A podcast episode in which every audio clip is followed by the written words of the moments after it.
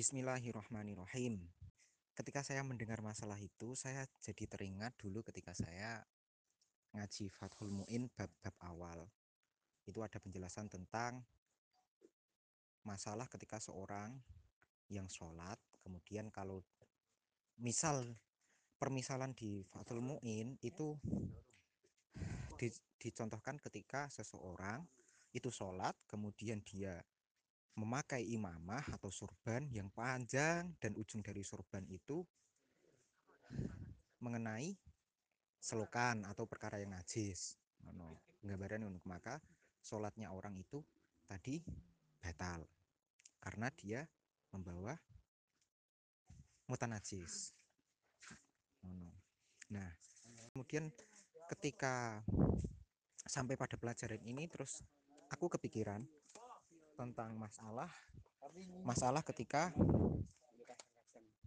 seseorang misal bapak itu sholat kemudian anak kecilnya anaknya yang masih kecil itu ujuk-ujuk nemplok. Nemplok.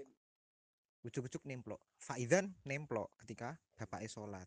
Padahal kan kita tahu anak kecil itu kan punya kulub. Punya kulub. Kulub itu apa? Pucuk zakarku sing wajib dihilangi sing wajib di khitan nah bukankah ini sama dengan kasus ketika seseorang itu membawa surban yang ujungnya kena najis itu tadi nah tapi kemudian kita juga pernah diajari diceritakan bahwasanya bagaimana Kanjeng Nabi itu pernah ketika suatu sholat Sayyidina Hasan dan Sayyidina Husain itu gendong beliau. Jadi pas waktu mungkin pas waktu beliau sujud, terus kemudian tiba-tiba Sayyidina Hasan dan Sayyidina Husain itu naik ke punggung beliau ngerangge ngerangkul beliau dan Jeng Nabi membawa Sayyidina Hasan dan Sayyidina Husain itu sholat. Nah terus dari sini para ulama terjadi eh, perbedaan pendapat.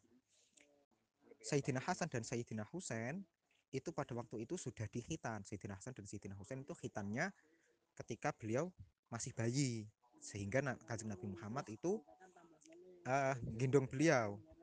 Dan karena berarti kan beliau nggak bawa Sayyidina Hasan dan Sayyidina Husain nggak bawa najis di kulupnya. Nah tapi ada juga yang mengatakan bahwasanya pada saat itu Sayyidina Hasan dan Sayyidina Husain belum khitan. Dari sini kemudian ada khilaf ulama yang mengatakan bahwasanya kulupnya zakar anak kecil yang wajib di khitan itu tadi termasuk anggota zohir dan juga anggota batin. Yang kuat itu mengatakan bahwasanya kulub itu anggota zohir sehingga wajib di wajibul izalah jadi kulub itu wajibul izalah dan juga wajibul wajib untuk disucikan ketika terkena najis. Oh, makanya ketika orang sing burung khitan ngisore kulub itu juga wajib dihilangkan. Kudu wajib ya dihilangkan di suceni.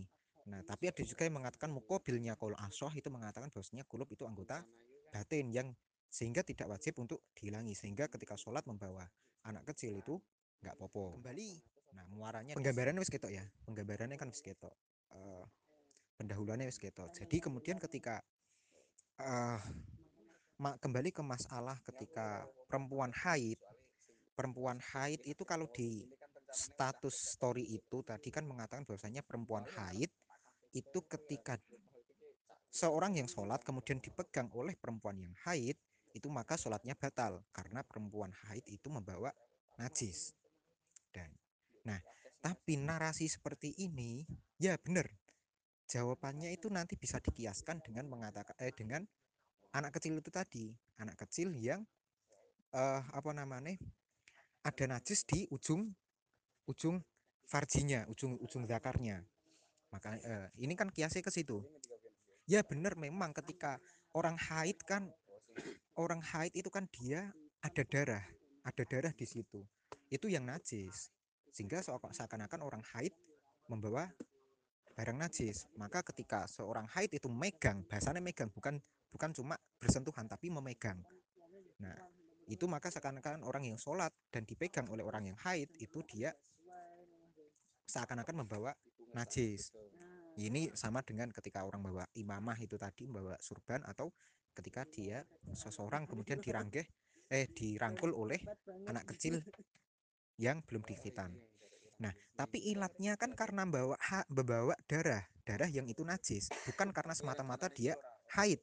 Kalau orang yang haid itu kan dia orang yang muhdis sama dengan orang yang ihtilam statusnya sama tapi bedanya adalah ketika orang haid itu dia membawa perkara yang najis yaitu dam darah maka kudune narasi ini hati-hati di sini karena tidak jangan sampai kita mendiskreditkan seorang perempuan yang sedang haid untuk dijauhi dan lain sebagainya. Ini kan narasi-narasi yang mendiskreditkan perempuan padahal kan orang yang haid itu harusnya kita inklusi tidak boleh dieksklusi. Nah uh, berarti kan ketika menganggap eh, ketika itu tidak sah alasannya karena dia membawa najis maka ini sama halnya hukumnya dengan ketika ketika siapa pun bahkan teman kita teman kita mosok sama-sama perempuan sama-sama laki-laki apa namanya uh, yang dia nggak sedang hadas ke, tapi kemudian dia di ujung anggota tubuhnya ada najis ada najis najis apa pun yang tidak makfu atau darah juga ini juga sama hukumnya najis tidak hanya ketika seorang perempuan yang haid. Maka narasi ini kudu diperjelas seperti itu biar tidak ini namanya politik bahasa politik wacana supaya untuk menginklusi perempuan yang sedang haid tidak mendiskreditkan perempuan apalagi perempuan yang sedang haid. Seharusnya kan orang yang sedang haid perempuan yang sedang mengalami masa-masa kodratinya itu harusnya didampingi. Seperti itu kan tidak boleh untuk dieksklusi. Kemudian seperti ini. Jadi wes jelas ya berarti ailat eh alasan kenapa ketika dipegang oleh perempuan yang sedang haid itu kemudian membatalkan sholat itu bukan karena dia haid tapi karena dia membawa najis maka sama dengan hukumnya ketika orang sholat dipegang temannya yang ujung tangannya itu sedang lecet darah nah sama Ngono ya. Jadi kita clear ya. Alasannya ilatnya itu bukan karena dia haid, bukan status dia haid, tapi karena dia membawa najis yaitu dam, damul haid. Lanjut ke permasalahan selanjutnya. Oke, eh penjelasan selanjutnya.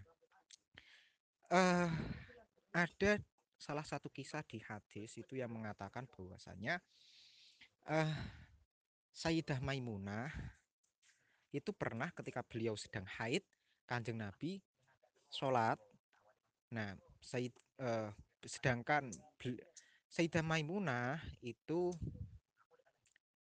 sedang haid kemudian tidur. Nah, Kanjeng Nabi sholat di pinggir beliau. Nah, pas waktu salah satu gerakan sholat itu saupnya Kanjeng Nabi, pakaiannya Kanjeng Nabi itu mengenai Sayyidah Maimunah. Nah, dari sini kan bisa di, bisa diambil kesimpulan bahwasanya seperti ini itu tidak membatalkan sholat. Sama dengan ketika dalam suatu masjid, misal masjid atau musola ada karpet karpet panjang. Di ujung karpet sebelah barat, eh sebelah barat, sebelah utara itu ada misal baru saja dikencingi oleh anak kecil. Nah, mak apakah sama dengan uh, apa jenenge orang yang apa namanya sholat di karpet sebelah selatan itu apakah dia tidak sah dia tetap sah karena perkara yang terkena najis itu berada di bawahnya dia sholat bukan hamil. Kata kuncinya adalah hamil. Hamil bukan hamil. Tapi itu kan di ngono. misal misal ya? nanti ketika ada seorang suami istri kemudian istrinya sedang haid dan suaminya ingin sholat eh, haid terus tidur suaminya sholat di pinggir itu nggak masalah. Nggak masalah. Karena batasannya itu tadi ketika hamil bisa dikatakan hamil. Sama dengan kasus ketika bahwa imamah surban sing ujungnya terkena najis atau ketika di apa namanya ditemploi ketika sholat kemudian ditemploi oleh kucing sing kucing cangkeme masih ada najis. Darah darah apa namanya darah darah bermangan tikus misal seperti masih di mulutnya masih ada darah tikus berarti kan kucing itu najis, bawa najis sama seperti itu. Jadi ilatnya tadi bukan karena dia nifas eh bukan karena dia haid tapi karena dia membawa najis yaitu damul haid. Wallahu a'lam bisawab